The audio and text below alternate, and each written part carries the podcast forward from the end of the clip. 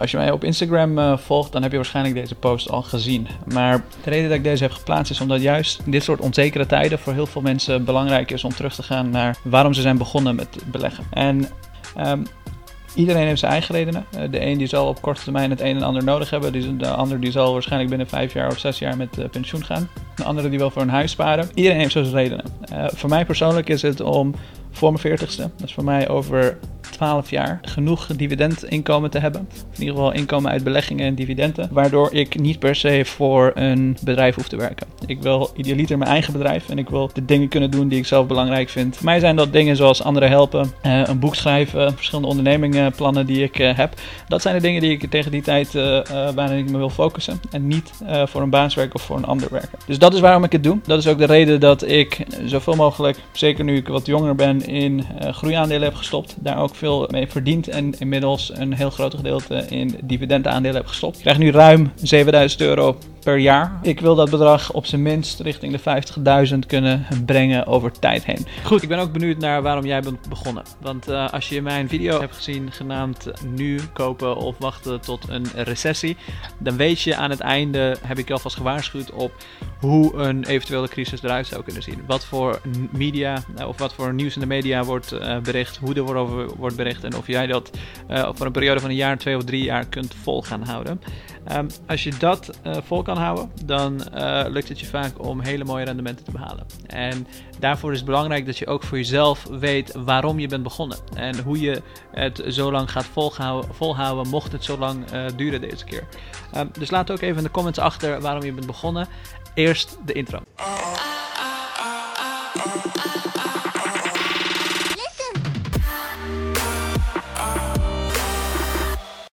You certainly can't predict the market by reading the daily newspaper, that is for sure.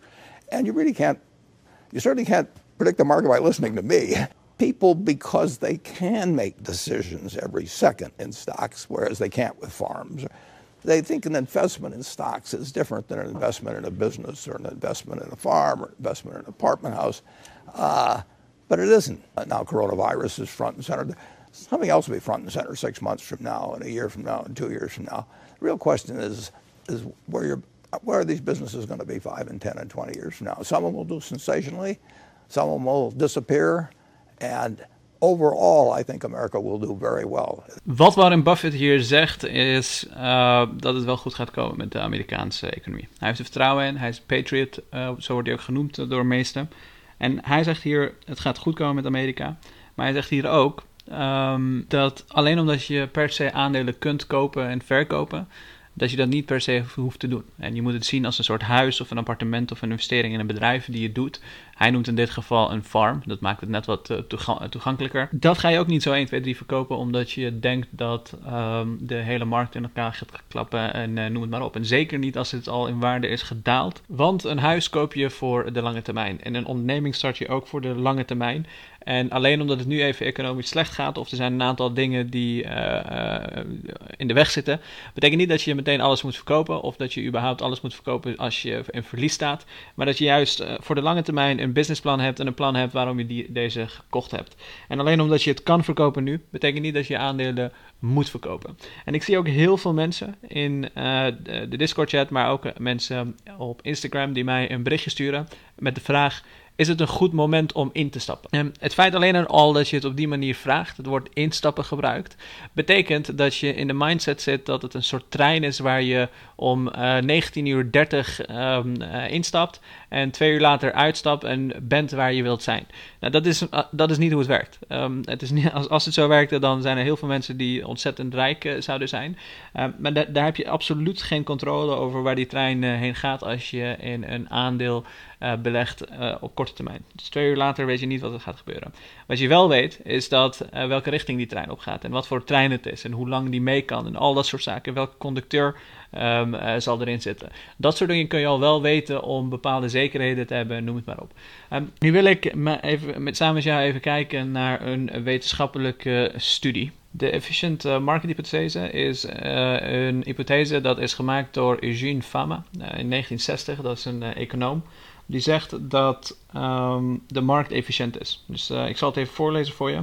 The uh, efficient marketing hypothesis, alternatively known as the efficient market theory, is a hypothesis that states that share prices reflect all information and consistent alpha generation is impossible. According to the EMH, um, stocks will always trade at their fair value on exchanges, making it impossible for investors to purchase undervalued stocks or sell stocks that uh, are inflated in prices. Um, therefore, it should be impossible to outperform the overall market uh, through expert stock selection or market timing. And the only way an investor can obtain higher returns is by purchasing riskier investments. Dus wat deze hypothese eigenlijk zegt is dat je als belegger niet de markt kunt verslaan. Dus het beste wat je kunt doen is de markt zijn. En heel veel indexbeleggers die gebruiken dit ook als uh, reden. Die gebruiken dit als reden om te zeggen dat de enige manier waarop je zou kunnen beleggen is indexbeleggen. En geloof me, ik ben een heel groot voorstander van indexbeleggen. Ik vind dat eigenlijk alle beginners, mensen die nog niet weten wat ze aan het doen zijn, uh, al is dat een relatieve term, uh, mensen die nog niet hebben nagedacht over een plan of niet hebben uh, onderzocht wat, op welke manier ze bedrijven kunnen waarderen en waar ze bij op moeten letten en ervaring hebben er ook mee. Uh, dat zijn mensen die in een indexfonds uh, moeten beleggen. Als ik niet geïnteresseerd was in beleggen en ik zou het niet meer leuk vinden om uh, on top of thing te zijn en continu mezelf hiermee bezig te houden, dan zou ik ook kiezen voor indexbeleggen. Omdat dat een no-brainer manier is van x aantal bedrijven bezitten en over tijd heen uh, de winsten mee te pakken, of in ieder geval de stijgingen mee te pakken. Er is ook een theorie, dat heet de inefficient market theory. Dat kan je ook op Investopedia vinden als je dat wilt. Um, maar daarin wordt vooral meegenomen de emoties van beleggers. En um, vaak denken indexbeleggers bijvoorbeeld, als ik alleen maar in een index uh, beleg, of als ik uh, alleen maar, of ook de meeste, meeste mensen, als ik alleen maar in individuele aandelen beleg, dat uh, ik over tijd heen rijk ga worden, om even een subjectief term te noemen, of heel veel geld ga verdienen. Nou, dat is, dat is niet altijd zo. Uh, de inefficient market theory die zegt uh, dat een heel groot gedeelte van de inefficiënties in de markt uh, afhankelijk zijn van de emoties van beleggers. Niet alleen beleggers, maar ook hedge fund managers en uh, mensen die actieve funds of allerlei andere soorten funds managen. En je emoties zijn heel sterk. Want um, zodra er nieuws komt dat er heel veel onzekerheid is in de toekomst en men weet niet wat er gaat gebeuren, er komt een virus, er komt een crash of, uh, qua, of uh, de financiële crash gebeurt, of noem het maar op. Er zijn heel veel dingen die opeens uh, gebeuren, waardoor veel mensen hun emoties niet meer onder controle kunnen houden. Ook een indexbelegger, ik, heb er, ik ken er een paar die zien dat een index 20% daalt, terwijl ze altijd was verteld, dit is de meest veilige manier om te beleggen. Ehm, die raken in paniek, die verkopen hun aandelen en die missen waarschijnlijk over tijd heen een heel groot stuk rendement die ze dan niet weer binnen kunnen halen. Um, zolang jij je geld niet nodig hebt, zolang jij een buffer hebt en je hebt niet met geld belegd wat je nodig hebt, dan uh, zou ik gewoon blijven zitten. Uh, en ik blijf ook zitten. Um, om, en over tijd heen gewoon je winst te pakken. En juist op deze tijden uh, nog meer blijven inkopen en de aandelen blijven kopen die ondergewaardeerd zijn. Waarvan de markt zegt dat zijn hele risicovolle aandelen die je eigenlijk niet moet hebben. Terwijl als je goed onderzoek doet en je begrijpt de fundamentals, dat je wel weet dat het uh, over tijd heen, en over tijd heen bedoel ik dan de komende vijf of tien jaar, jouw geld gaat opleveren. En dat is dus ook wat ik uh, van plan ben om te doen. Nu is dus ook de grote vraag: um, wanneer is nou een bottom van de markt? Want dat is waar deze video om gaat. En ik uh, zal je vertellen, ik weet het niet, maar wat ik wel ga doen is jou mijn mening vertellen. En mijn mening is puur op basis van mijn eigen inzichten en een aantal dingen die ik in acht ga nemen en vanuit mijn ervaringen in het verleden. Dat betekent niet dat het waarheid is, dus als je besluit om er iets mee te doen, uh, moet je het zelf weten. Het is geen financieel advies. Het is puur en alleen mijn mening over wat ik denk dat er ongeveer gaat gebeuren. Als je kijkt naar de stockmarket, dan legt uh, deze kleine graph wel een beetje uit hoe, het, uh, hoe de emotionele kant van zaken in elkaar zit. Dus uh, zij maken een onderscheid in dit geval tussen smart money, institutional investors en de general public. Smart money die komt aan in de tijden dat het echt een beetje ja, allemaal aan de gang is. Dus uh, het begint net allemaal. Uh, dat is de bodem van de stockmarket, om het even zo te zeggen. Als je dat goed kan herleiden, of in ieder geval als je dat goed kan um, raden, dan, um, ja, dan, dan ga je gewoon ontzettend veel rendement pakken. Punt. Um, institutionele beleggers, dat zijn mensen zoals hedge fund managers en allerlei andere instanties, banken, noem het maar op, pensioenen, et cetera. Dat zijn beleggers die vaak een quota hebben en heel veel geld hebben om onderzoek te doen, et cetera. En die komen meer in de awareness fase. daarna komt de public. Die kopen voornamelijk in de mean, mania fase. Ergens waar het of ontzettend hard aan het groeien is of een klein beetje richting de dalende kant zit. Daar komt voornamelijk, voornamelijk grote... De, de, de, meeste mensen die komen daarheen. En die beleggen op de, of op de hoogste punt en verkopen dan weer op het laagste punt en zeggen... Hey, dit was niet voor mij, ik stap eruit, ik heb het allemaal verkeerd ingeschat. Dit, is toch, dit schijnt toch gokken te zijn of iets dergelijks. Dus daardoor verliezen heel veel uh, gewone beleggers, die verliezen hun geld. Omdat ze met deze emoties te maken krijgen. Dus je ziet vaak dat wanneer media attention komt, zoals hey, de longest bullrun in zoveel tijd en noem het maar op, dat heel veel enthousiasme komt. Mensen worden gretig, ze gaan allerlei rare risico's nemen. Er komt de delusion phase, dat je denkt van wow, ik, ik, kan waarschijnlijk miljonair worden binnen twee jaar tijd. Um, ik denk dat dat iets is wat we allemaal wellicht hebben meegemaakt. En daar is niemand niet vatbaar voor. Zelfs de meest ervaren beleggers, die kunnen zich heel makkelijk in dat soort dingen verliezen. Daarna komt denial, want de markt die daalt een beetje. Dan denk je van wow, ehm, ja, dit, zal, dit, komt heus wel weer terug. Dat, dat is een beetje het gevoel dat je krijgt. Um, het gaat een stukje omhoog en dan denk je, kijk, we zijn terug naar normaal. En dan komt die grote angst van de Black Swan, in dit geval corona, die heel veel angst en onzekerheid met zich meebrengt. Um, na die angst uh, beginnen sommige mensen zich af te vragen van, wow, heb ik wel de juiste dingen gedaan? Weet ik wel wat ik echt aan het doen ben? En langzaamaan gaat die emotie de overhand nemen en zal een heel groot gedeelte van zeker de grote publiek, dus de gemiddelde belegger, die zal zijn of haar uh, investering verkopen.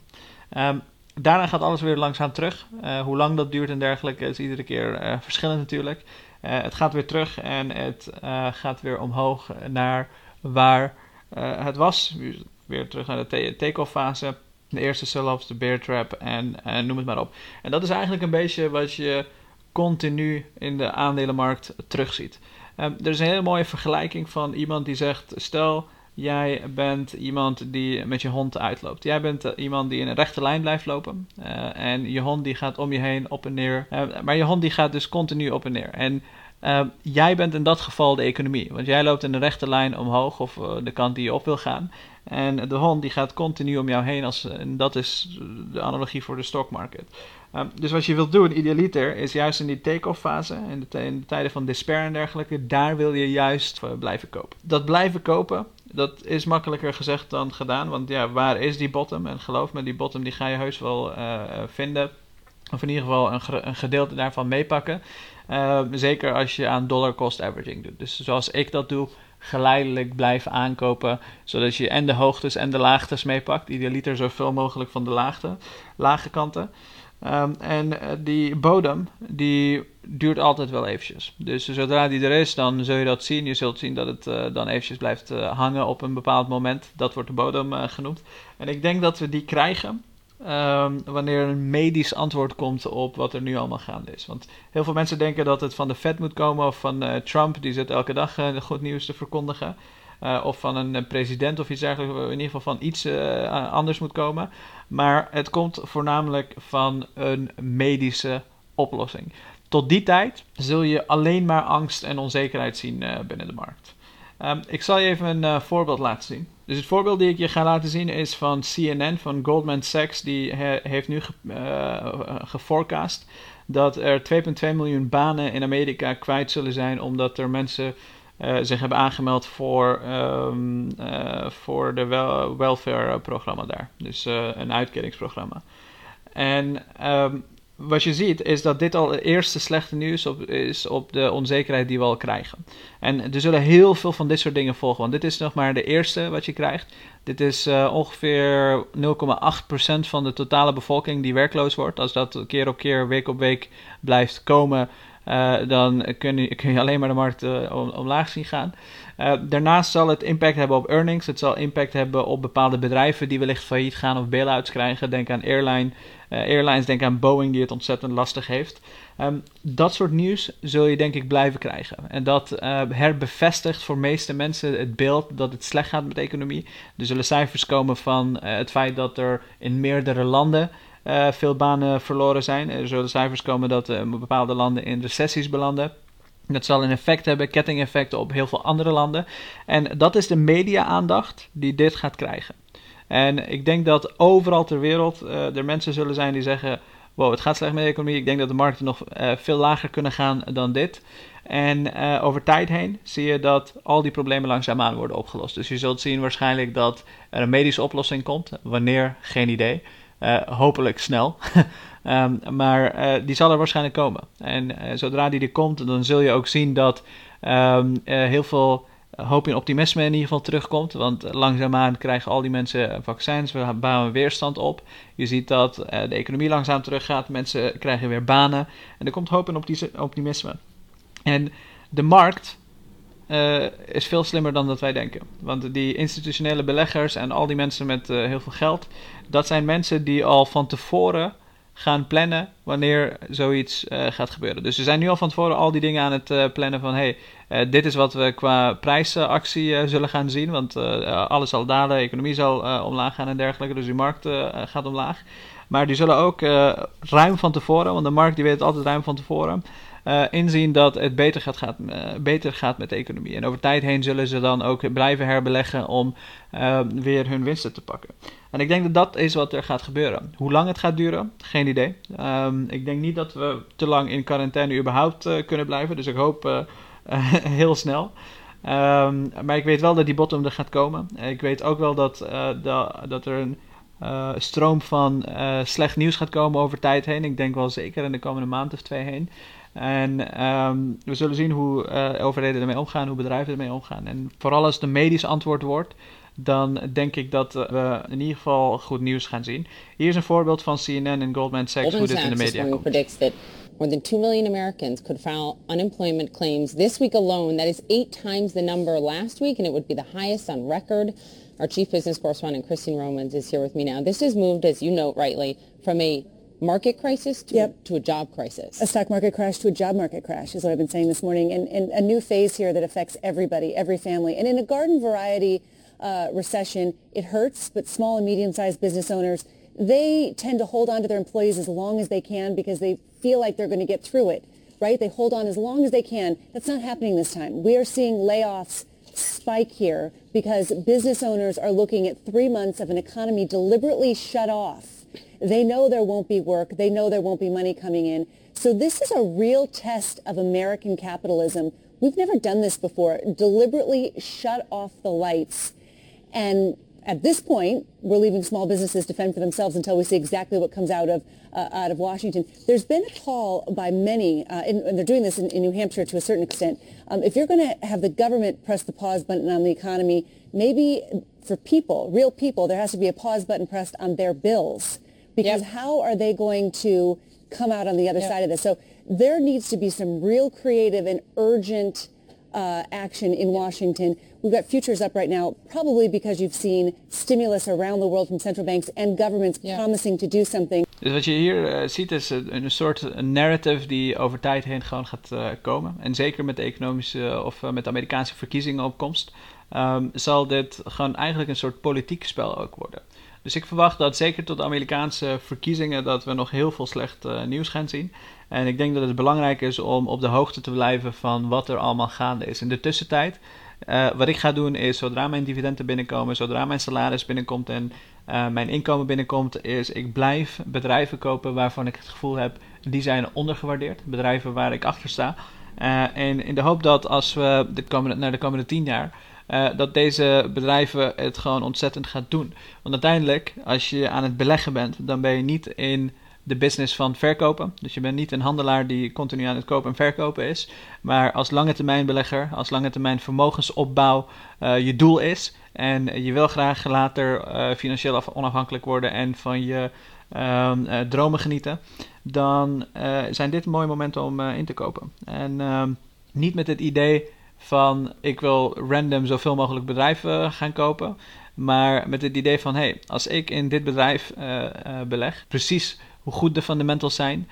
Ik geloof erin en ik denk dat dit bedrijf mij uiteindelijk geld gaat opleveren. Wanneer, weet ik niet, maar ik weet dat in de komende vijf of tien jaar, als ze hun plannen realiseren, als ze hun cijfers blijven presenteren zoals ze dat nu doen en een competitief voordeel blijven behouden, dan weet ik dat het mij geld gaat opleveren. Hoeveel, dat weet ik niet, maar dat het geld oplevert, dat weet ik wel.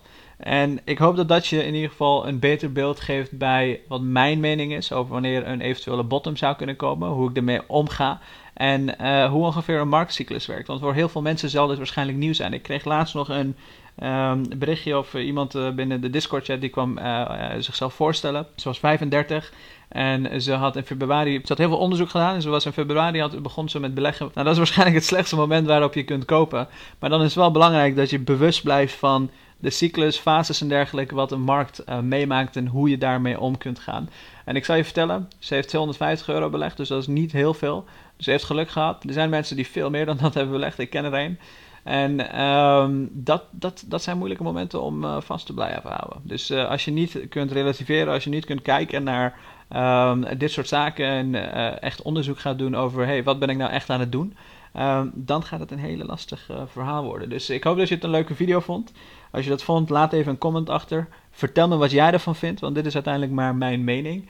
Um, en als je nog niet bent begonnen met beleggen, gebruik een van mijn links hier beneden, want daarmee support je mijn kanaal. En ik wil je bedanken voor het kijken.